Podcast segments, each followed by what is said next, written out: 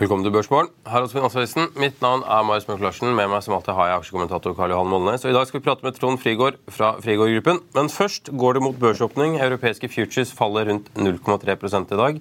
Og brentoljen handles til 73,60 dollar fatet, som er rundt 1 dollar lavere enn da Oslo Børs stengte i går. Fed holdt renten uendret på 5-5,25% ved gårsdagens rentemøte, men varsler ytterligere to renteøkninger senere i år. Børsene falt umiddelbart etter rentebeslutningen, men hentet seg inn i løpet av pressekonferansen. Den europeiske sentralbanken har rentemøte i dag, der det er ventet en heving på 25 basispunkter. Rentebeslutningen skjer klokken 14.15, og pressekonferansen starter klokken 14.45. Britiske renter har steget kraftig i det siste. Toårsrenten er nå på 4,83% som er over nivået fra den lille finanskrisen i fjor høst, da også pundet stupte. Denne gangen er det verken List Truss eller budsjettunderskudd som driver opp rentene, men kun inflasjonen og renteutsiktene. Bank of England ventes å heve renten fra dagens 4,5% til 5,75% innen slutten av året ifølge Reuters. Elektriportøren har gjort en emisjon på 5,2 millioner aksjer til kurs 23 kroner. Aksjen ble sist handlet til 29,4 kroner. Lønnsomhet og vekst er høyt på agendaen til Doff-styreleder Svein Harald Øygard. Med Jon Fredriksen på eiersiden kan spekulasjoner om storfusjon blusse opp, tror Arctic Securities analytiker Lukas Daul, skriver vi på fa.no. Morrow Bank har gjort en emisjon på 22,2 millioner aksjer til kurs 4 kroner og 50 øre. Aksjen ble sist handlet til 4 kroner og 90 øre. God morgen, Karl Johan. Inflasjon og renter, er det det det går i? Ja, det er det. Og eh, Federal Reserve eh, økte ikke rentene i går, og signaliserer da at det kan bli to mulige renteøkninger eh, resten av året, mot en forventning om fire rentekutt eh, for ikke så lenge siden. Men forskjellen på Norge og USA er at USA har ikke råd til å ha renten så veldig høy så lenge. De er faktisk avhengig av å få ned renten ganske raskt, og de, avhengig, de skal også ha inflasjonen ned i 2 Så for de så gjelder det da å skape en nedgangskonjunktur mm, så raskt som mulig. Altså, for det er det som får ned inflasjonen. Eh, og får opp arbeidsledigheten, som gjør at du da kan ha råd til å betale rentene. Det er ikke som den norske stat, som har ubegrensa med penger, kan gjøre akkurat hva de vil eh, enn så lenge. Og da er jo det fokus på hva kan det være? Jo, det har jo det de kaller kvantitative innstramminger på 100 milliarder dollar i måneden. Men i tillegg da, så Årsaken til at vi har god likviditet i markedet nå, er jo at de berget bankene og tilførte 300 milliarder dollar. Men de pengene, av det som gjenstår å tilbakebetale, da, eh, litt over 190 milliarder dollar, det er liksom teppet vi står på. Og den dagen Federal Reserve liksom eh, håndhever og sier at disse pengene, vi skal faktisk ha det inn igjen, vi har sagt de skal ha det inn igjen før året er omme, og de rykker i teppet, da merker vi det. Og, så, så de sitter med makten til å styre dette markedet akkurat som de vil, om de vil dra i teppet eller om de vil forlenge eh, likviditeten da, som de har putta ekstra inn i markedet. Og Det er en ganske unik situasjon eh, å være i. at de, Nå styrer de nesten alt. I tillegg så har Kongressen blitt gjort oppmerksom på at eh, vi må gjøre oss forberedt på å kjøpe tilbake nesten altså 950 milliarder dollar i, eh, i, obligasjoner som Kina sitter på. De har signalisert at de ønsker å dumpe det. og ok, Da kjøper vi det tilbake. Det er derfor gjeldstaket er ubegrenset de neste to årene. Så vi er i en sånn halvveis krigssituasjon der bankene balanserer på mot en bankkrise, som Federal Reserve gjør alt de kan for å unngå. Men de prøver å normalisere situasjonen. Og Når du kommer ut av andre enden, man har knust den russiske hæren, for det virker jo som at det er det som er målet. Det er ikke om å ta krigsfanger her, det er om å gjøre å drepe offiserene og, og, ta livet av eh, det som ligger langt bak i rekke nummer tre. og Så kommer vi ut på andre enden, så skal pengene tilbake, og da normaliseres ting. da. Og Vi som er litt, eh, begynner å bli litt gamle, vi husker jo sånn at eh, det var jo når det var eh, gode tider, så eh, for å, for å redusere aktiviteten, så var realrenten 4% og i normaltider så var realrenten 2% Og når det, var, når det var, skulle stimuleres, var det null realrente. Og vi har fortsatt negative realrenter omtrent i, i hele Vesten, så vi er langt unna en normal situasjon. Så skal til en normal situasjon best å Eh, måten å komme dit på er å skape nedgangskonjunktur. og USA er avhengig av det. så De klarer ikke å finansiere den store gjelden sin hvis ikke de klarer det. Så det, det kommer. De har jo tatt unna en god del av, eh, av, denne veksten i uh, inflasjonen med disse innstrammingene. Ble, det ble jo tydelig på denne, det siste inflasjonsmøtet. Men når vi ser tilbake da de siste seks til ni månedene fra disse verktøyene ble iverksatt for fullt. Er det noe av det som har overrasket deg i forhold til hvordan dette har gått? Altså det er overraskende. Jeg er ikke overraska at oljeprisen har falt, fordi det er konjunktur. Jeg tror det er veldig mange andre som er overraska over det. Så det at alle de konjunkturutsatte faktorene har jo falt. Og Du ser jo det også på PPI, så produsentprisindeksen, at den eh, var 2,7% altså Forrige måned så gikk den nå i negativ nå. Så alle de sykliske komponentene drar det ned. Men det hjelper ikke det hvis inflasjonen får feste seg i lønningene og du får en lønns- og prisvekstspiral. For det er mye viktigere enn råvarene på kort sikt.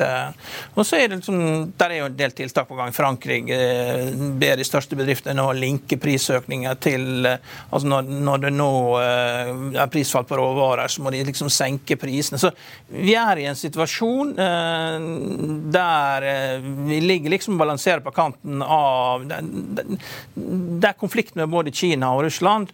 Og, Det dikterer mye når dette, man slipper dette opp. og Inntil da så er gjeldstaket ubegrensa. Og USA kommer til å bruke ubegrensa med midler til å sørge for å vinne de krigene. Men når du skal normalisere dette her, så blir det nedgangskonjunktur. Vi er nødt til å ha det for at USA skal klare å betale tilbake igjen og betale rentene på gjelda si. Og eh, det, det, er den billigste prisen å betale, å øke arbeidsledigheten litt for å få ned halvere renta. Du, eh, det har det jo vært litt med det, blir stadig litt mer støy med Kina. Nå var det jo disse sjøkablene også som de, eh, USA driver og strammer litt inn på. Men eh, la oss si at denne Ukraina-Russland-greia blir ferdig på et tidspunkt. Vil da det blusse opp enda mer bråk med Kina igjen, eller hvordan blir det her? Nei, jeg vet ikke. Altså, USA går jo nå tilbake igjen til eh, krigstaktikken fra eh, sin egen eh, borgerkrig, der at generalene ikke gikk inn for å ta livet og, og, liksom ta fanger. De liksom ødelegger alt utstyr og dreper alt som er offiserer. Det er, så det er alle de som ligger i trenchlines, de gir de blaffen i. Bare de får vite liksom hvor offiserene ligger, så tar du de med raketter. og Så sparer jo de de som ligger i trenchline baseline som russerne hadde tenkt å, å ofre. Så, så driver jo å skyte da, Himmelsraketter med altså Når du kan, når du kan sette eh, raketter liksom med sju mils avstand og treffe en garasjedør, så er det ikke så lett å gjemme seg. altså. Nei.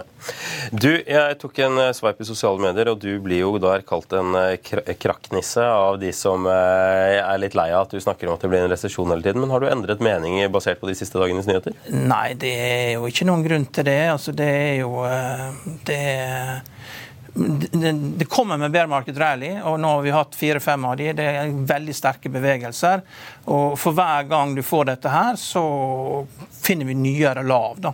Jeg tror ikke de som følger oljeprisen har vært så veldig uenige med meg. Altså det, men, men, det er klart, eh, likviditeten den går jo der, har jo gått til teknologiaksjene da. og Når du har aksjer som Nvidia så har til 40 ganger salg, det er helt absurd. Altså. Men vi har jo sett dette før. Jeg var midt oppi TMT-bobla og husker jo EMC og VMware og alt dette her. og Det var jo helt crazy. og Dette her er mye, mye verre. Så, men det er klart likviditeten skal finne en retning, og, og når likviditeten strammes til, så snur dette her bråkvikt. altså. Så det gjelder, det gjelder å komme seg ut. Da.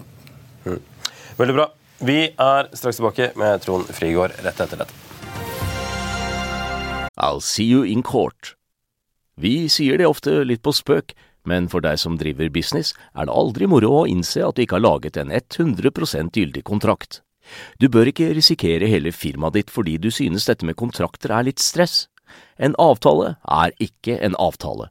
Du kan miste kunder, miste venner, ja, til og med miste inntekter om du ikke lager en skikkelig kontrakt, på alt mulig, egentlig. Men vi vet det er et styr. Kopimaskiner, tregprinter og haugevis av papir. Dessuten stoler vi jo på folk her i landet. Det er ofte litt kleint å skulle be om en signatur for alt mulig, ja, for mye av styret handler også om jakten på underskriften. Det finnes en enkel måte å løse dette på, Dukkobit, en trygg, effektiv og get this, gratis måte å sikre seg en god natts søvn pluss en juridisk bindende avtale. Dukkobit-appen har de strengeste sikkerhetskrav i bunn, samt en EU-godkjent og sertifisert teknologi. Framover vil det bli behagelig å spørre du, skal vi skrive under på det, eller? Kom i gang på dokobit.no. Ja, det var jo en eh, skal vi si, pessimistisk start på dagen. Men eh, vi har med oss en eh, optimist. Trond Frigård, velkommen til oss. Kan ikke du fortelle litt om hva Trond Frigård og Frigård-gruppen driver med? Eh, Frigård-gruppen er jo i hovedsak to eh, hovedselskaper, eh, som er Sono Group, som er industri- og handelbiten, og så er det FBG, som er Frigo Property Group, som er entreprenør og boligutvikling. Eh, hvis du tar den første, Sono Group, så er det når jeg sier handel og industri, så er det det vi er store på, er, er eh, møbler og oppbevaring. Eh, spesielt store på skolemøbler og dette med oppbevaring. altså det vil si, Har du vært på et treningssenter eller en, en, en svømmehall eller på en skole, og du ser disse skapene man oppbevarer ting i, så er jeg ganske sikker på at jeg har levert veldig stor del av det. For jeg har veldig stor del av det markedet. Og som sagt store på skolemarkedet, pluss at vi er ganske store på det med industrimøbler. Dvs. Si type montasjelinje for elektroindustrien. Bygger du et eh, lager, så kan jeg innrede alt stort sett for deg, unntatt, eh, unntatt maskinene. Eh, så det er den biten. Omsetter for rundt 1 milliard på den Sono Group. 230 ansatte omtrent, i, og i hovedsak Skandinavia som marked. Hvis du tar FPG, så er det Frigård Property Group. Ehm, det består hadde sitt utspring i et selskap som heter Metacon, som egentlig var et stålkonstruksjonsselskap eh, med fabrikk i Rakkestad, som bygde sånn stålkonstruksjoner for eh, næringsbygg og ja, eh, offentlige bygg og den type ting. Var store i Norge på det. 150 millioner i omsetning den gangen. Eh, men grunnen til at jeg kjøpte det, var egentlig for at jeg ønska å utvikle det til å bli et totalentrepriseselskap. For jeg så at det lå ikke så langt unna det, så jeg brukte på en måte den industrikompetansen som vi hadde fra oppbygginga av Sono Group, til å gjøre om det til, til en totalentrepriseselskap. Eh, så kjøpte vi Alento, som er et drammensbasert entreprenørselskap i, i, eh, som holder til i Drammen. Kjøpte det i 2018. Og så starta jeg Frigård Bolig, som er boligutviklingsselskapet, i 2017. og Begynte å kjøpe tomter for å regulere det og, og bygge store leilighetskomplekser der.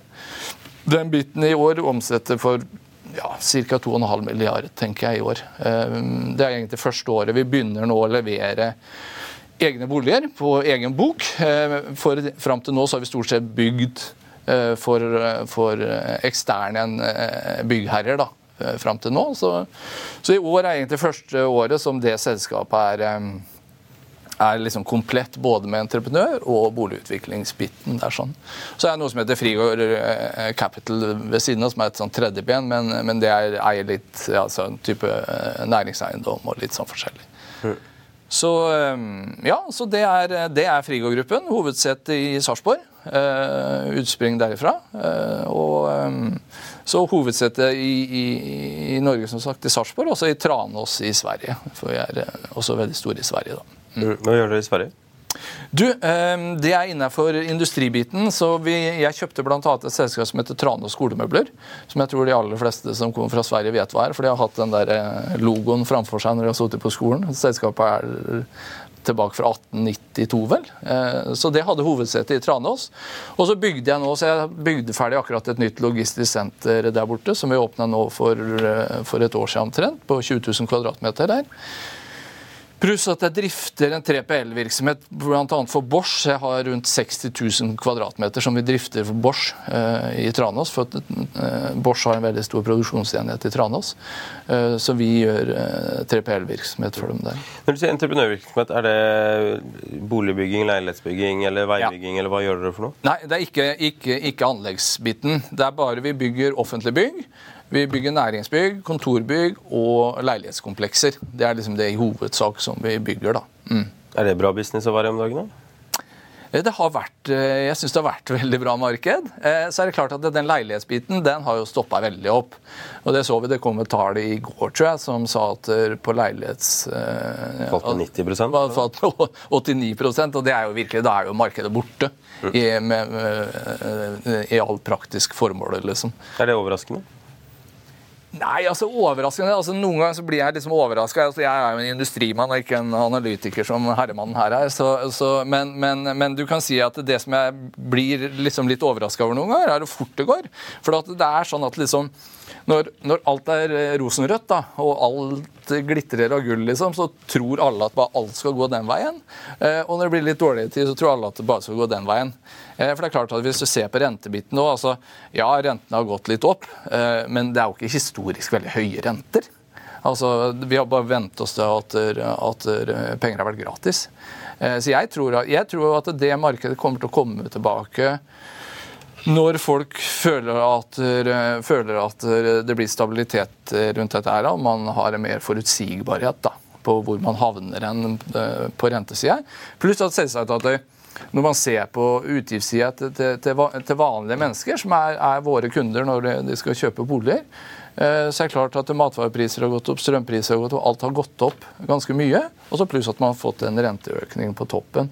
Og det er klart at det Da strammer folk til, og så holder man litt, og så ser man litt an. Eh, så det tror jeg.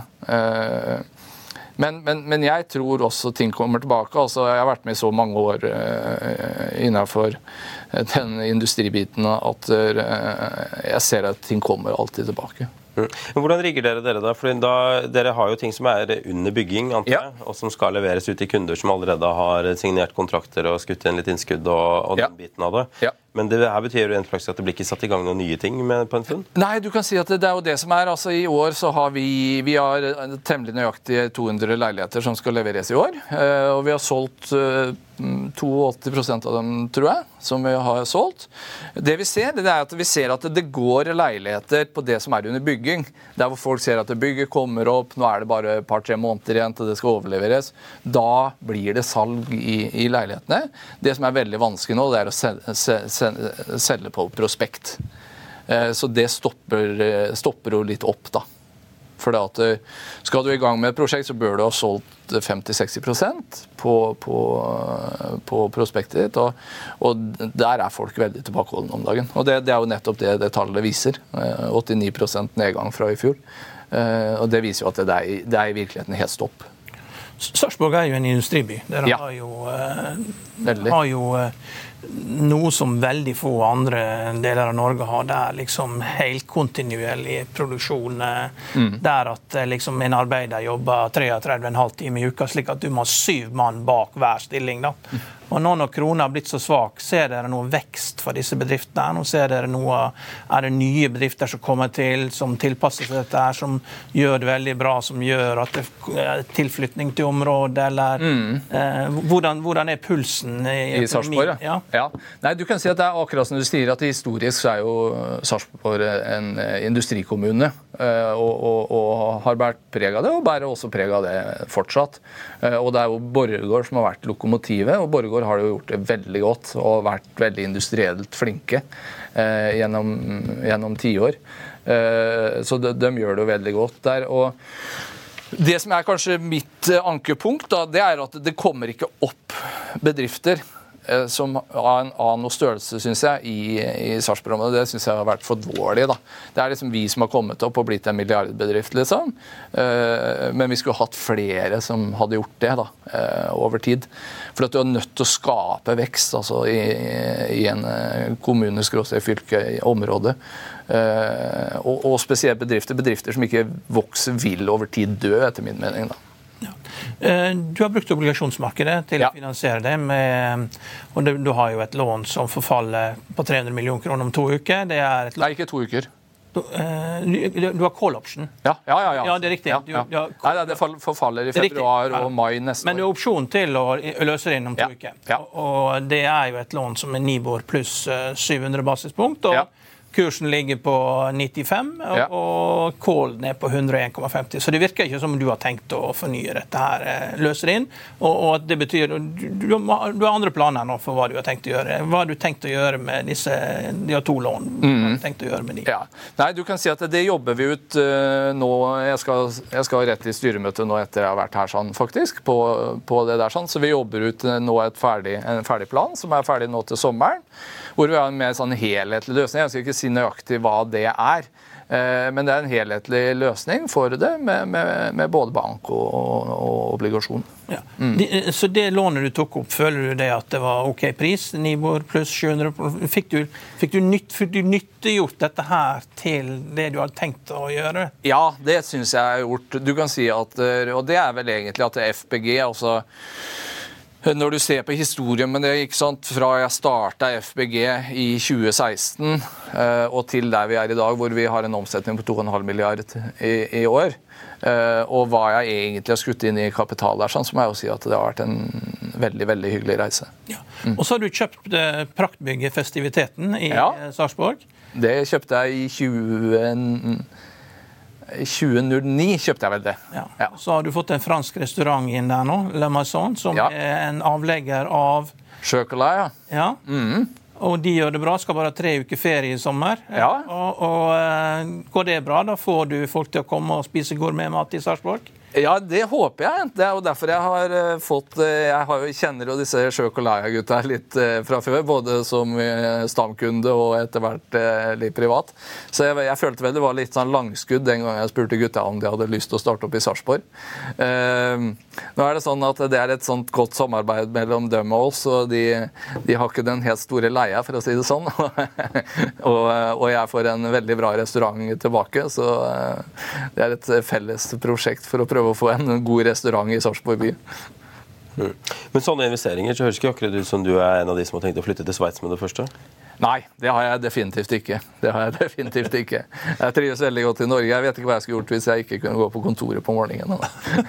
Treffe de ansatte og jobbe her. Du, vi må litt tilbake til, det, til leilighetsbygging og, og den, altså, den entreprenørvirksomheten der. Fordi Hva skal til for at det markedet kommer tilbake igjen fra de 89% som det har rast nå? Ja, du, det, altså, det er det mange svar på, og mange som, som mener, mener forskjellige ting. For min del så tror jeg at det, at det trengs en stabilisering. Og så tror jeg det kommer tilbake. For det kan ikke være sånn at vi ikke bygger nye boliger. Eh, for da, da, da blir det jo altfor lite. Eh, og da får man også et press i markedet på pris. altså man ser nå, Prisene har jo ikke falt noe. Eh, noe de egentlig burde ha gjort. Eh, men, men, men, jeg tror det også er press fordi at det, det, det er jo begrensa hva som kommer av nytt og som blir eh, kjøpt. Men jeg tror en stabilisering det er sånn. altså nå er det jo sånn, altså Renta kommer ikke til å bli satt ned på 1, 2, 3 fordi at det, er altfor høy inflasjon. Eh, og, og krona er altfor svak. Så, så, så, så, det har jeg ikke noe tro på. Men jeg tror heller ikke at renta er så høy at ikke, ikke det markedet kommer tilbake igjen. så jeg tror at man når man liksom Når folk der ute, de vanlige menneskene, eh, føler at de, de, forstår og får en trygghet rundt, eh, rundt hvor vi havner en sånn kostnadsmessig, så tror jeg det kommer tilbake. Mm. Nå er det jo rett før sommeren, og man skal ja. ta ferie og slappe av litt. Og sånn, men, ja. men, man gjør jo altså alltid opp en litt sånn plan for høsten før man tar ferien. og Hvordan, hvordan er planene dine endret nå kontra hvordan planene så ut eh, for et år siden før man tok sommerferie? da, for å si det sånn? Nei, egentlig ikke forandra seg så veldig mye. Altså det, det, som er, det, som er, den store greia nå, det er at vi jakter jo selvsagt nye kontrakter. Men da på litt andre typer bygg enn uh, leilighetskomplekser. Altså det være seg offentlig bygg, næringsbygg, altså den type ting. For at det, det, er jo entreprenørvirksomheten vår gjennom Alento og, og, og Frigård Entreprenør og Metagon. Det er jo det som er den største biten. Boligbiten som vi bygger på egen bok, da, som er de 200 leiligheter som nå slår inn nå, og som vi jo skal fortsette med videre. Vi har bl.a. store prosjekter i Ski og sånne ting som vi skal, skal i gang med. Men, men, men, det er jo den, den entreprenørvirksomheten for eksterne byggherrer som er den største biten for oss. Eh, og per i dag så har vi veldig god eh, eh, ordre backlog på dem. Men det er klart at det, det må jo fylles på. Sånn er det med all virksomhet. Man er nødt til å fylle på ordreboka si. Så det er det som vi jager absolutt hardest om dagen. Jeg tenkte litt på det, fordi Når var det du eh, overtok Du arvet et eh, lite familieselskap eh, sånn relativt sett? Ja, det var det. Jeg var bestefaren min som hadde en liten tynnplatebedrift i Sarpsborg som heter Sarpsborg Metall. Så han starta det i 1946. Eller han starta det egentlig i 1939, men han var i hjemmefronten, så han, han måtte til Sverige en tur under krigen, så han, han kom tilbake så var det borte. Så han starta opp i 1946, og det var en liten, liten tynnplatebedrift som lå i Sarpsborg. Uh, og så tok jeg over det egentlig veldig ung, jeg var 22 år, men da var det sånn at jeg tok over 90% av aksjen, og så mm, stemte mora og faren min for, eh, for 55, jeg for 45, så jeg måtte gjøre sånn som de fortalte meg. og så kjøpte jeg de her eh, aksjene av dem da i 2003. Og da kunne jeg på en måte gjøre akkurat som jeg ville. da. Og eh, En liten tynnplatebedrift eh, i Sarpsborg sånn, det hadde jeg ikke så veldig tro på. altså sånn Rent konkurransemessig. Eh, den gangen så var det ja, 30, vi hadde 30 millioner i omsetning. Ja. Ja. Og nå har du 3,5 milliarder i omsetning. Ja. Eh, vi har jo alltid noen som eh, altså, Alle som ikke er i din posisjon, lurer litt på hvordan, eh, hvordan kommer man seg dit. Hva, mm. altså, hvis du skal se tilbake på Hva er de smarteste tingene du har gjort for å klare å, å, å liksom såpass mangedoble det? Det er jo snakk om en 100 ganger i omsetning. Ja, Nei, du kan si at det er mange som spør om det. Så det jeg pleier å si, det er at det, det kanskje aller viktigste stikkordet det er å bygge organisasjon. Det er å bygge organisasjonen underveis, og så tørre å gjøre det. da. Og så er det sånn at du må sørge for altså, Det er liksom noen ting Jeg pleier alltid å si at liksom, når jeg ser på om vi skal starte med noe eller ikke, da, så er det liksom Har vi konkurransekraft? Altså Er vi konkurransedyktige på det vi skal drive med? liksom? Og er vi industrielt flinke nok til å gjøre noe gjøre noe ekstraordinært innenfor det vi skal begynne med. For for hvis du, ikke, hvis, du ikke, har den konkurransekraften altså liksom Det er bare å stå der med lua i hånda og si 'vær så snill, kan du kjøpe av meg', liksom. Det er helt poengløst. Du må se at klarer, du å, klarer du å levere til de prisene som markedet vil ha. Og klarer du å da produsere det, eller leieprodusere, eller hva som helst, med, som gjør at det er margin som du kommer til å bli butikk ut av. da. For da er det sånn at sant, hvis jeg hvis du kjøper det glasset av meg for 100 kroner, da, og jeg produserer det for 90, så kan jeg garantere deg at det kommer aldri til å bli noen butikk. Eh, men får jeg produsert det for 60 eller for 50, så, så, så, så kan det bli en, en god forretning. Da. Så Det er liksom det vi ser på hele tida. Klarer vi å ha konkurransekraft i det vi driver med? liksom? Det er sånn. Og så er det det å ha sterke markevarer innenfor det du holder på med. Eh, det har jeg vært veldig opptatt av. For jeg gründa veldig mange bedrifter. Og når jeg starta da i 2003, der sånn, så, så tidobla vi omsetninga i løpet av tre år sånn, til 300 millioner. Og da gründa jeg alle de selskapene sjøl. Det var organisk vekst i de åra. Eh, og, og det altså det å klare å få produsert ting, om det er innenfor plast eller tre eller, eller, eller stål eller hvilken legering og sånn, det, det lar seg nesten alltid gjøre. Altså det er få produkter som er i hvert fall innenfor det vi driver med, som er så vanskelig å produsere at du ikke klarer å få gjort det. Det som er problemet, det er å få deg som forbruker til å kjøpe det. Ikke, hvis du ikke vet liksom, du ikke kjenner til navnet på det, du ikke har hørt om det før. altså de tinga da. Eh, så, så, etter hvert så innså jeg det at hvis vi skulle vokse videre der sånn, så måtte jeg skaffe liksom merkenavn. så liksom, I dag så innenfor skapsida så kjøpte jeg opp sånne sånne innredninger i Sverige. 95 av alle, av alle forespørsler som går ut i, i, i Sverige innenfor nybygg, så står det sånne sånne innredninger eller tilsvarende. Og det, Da er det veldig vanskelig å være han tilsvarende. da. For at eh, når du står beskrevet i, i, i, fra arkitekten at det er det du skal ha, så, så, er det det folk kjøper. Eh, så det er liksom eh, en del av de tinga. Og så er det klart, altså, du må tørre å gjøre de der game changerne underveis. Altså det, når jeg, var, jeg omsatte for 300 millioner, så kjøpte jeg Akap Invest, som var svensk børsnotert selskap med 800 millioner i omsetning, så kjøper jeg et selskap som er nesten tre ganger så stort som det liksom. Det er klart at det, da får du jo Du må ha litt fart på deg da etterpå for å sørge for at ikke det her går gærent, liksom. Eh, og du må tørre å gjøre de tingene. Akkurat som vi kjøpte Metacon, og så kjøpte vi Alento på, på entreprenørsida. Men så er det klart, sånn som Alento har vi jo tatt fra Vi kjøpte det i 2018. Mm, omsatte da for 400 millioner, omsett i 2022 for 1,2 milliarder.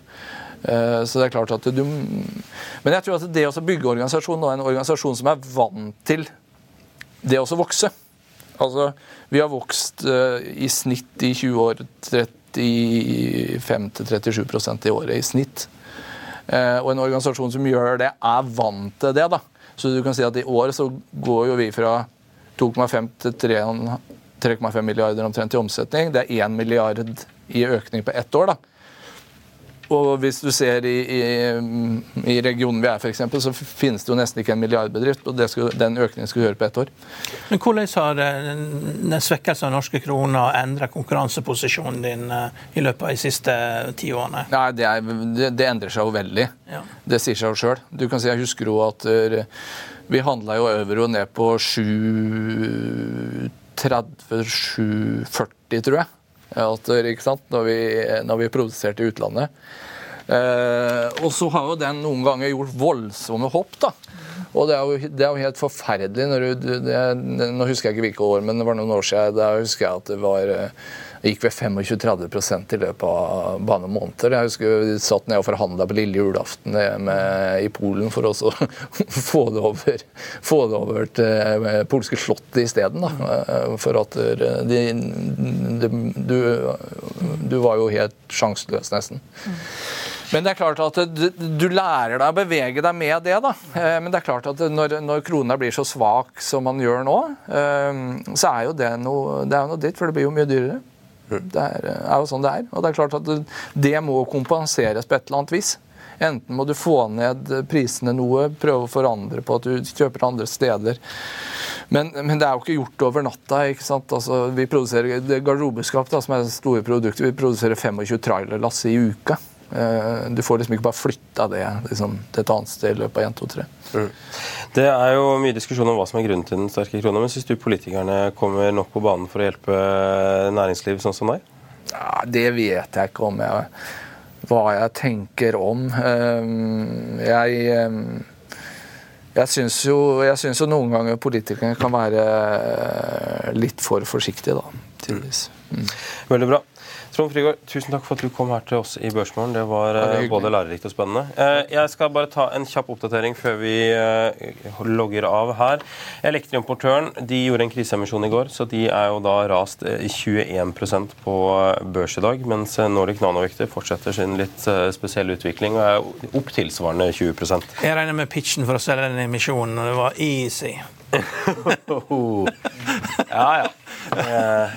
Det var Burde, burde stoppet der, men det kan vi ikke. Fordi jeg skal bare minne om at Økonominyhetene er tilbake i 14.30 i dag. Og da er det en prat med Jens Rugseth, milliardæren som dro med flyttelasset til Sveits for litt over et halvt år siden, og nå kan gi noen innblikk i hvordan det er å være en norsk investor basert i Sveits, og hvordan det påvirker hans investeringer og investeringshverdag. Så det er det bare å komme tilbake til klokken 14.30. Altså inntil da så kan du sjekke ut hvilken som helst av våre sendinger eller produksjoner på fa.no slash tv, eller søke opp Økonominyhetene Økonominyhetene og Børsmorgen der du hører podkast.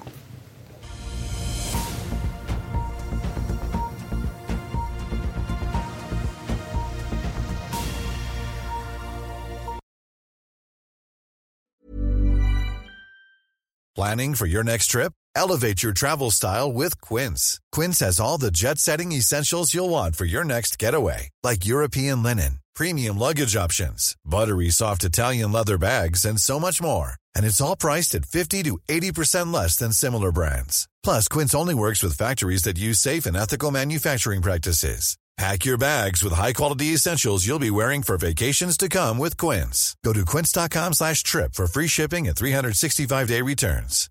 When you make decisions for your company, you look for the no-brainers. And if you have a lot of mailing to do, stamps.com is the ultimate no-brainer. It streamlines your processes to make your business more efficient which makes you less busy. Mail checks, invoices, legal documents, and everything you need to keep your business running with Stamps.com. Seamlessly connect with every major marketplace and shopping cart. Schedule package pickups and see your cheapest and fastest shipping options from different carriers. With rates up to 89% off USPS and UPS rates. And with the Stamps.com mobile app, you can take care of mailing and shipping wherever you are. Make the same no-brainer decision as over 1 million other businesses with stamps.com. Sign up with code program for a 4-week trial plus free postage and a free digital scale. No long-term commitments or contracts. That's stamps.com. Code program. Økonominyhetene er en podkast fra Finansavisen. Programledere er Marius Lorentzen, Stein Ove Haugen og Benedikte Storm Bamvik. Produsenter er Lars Brenden Skram og Bashar Johar. Og ansvarlig redaktør er Trygve Hegnar.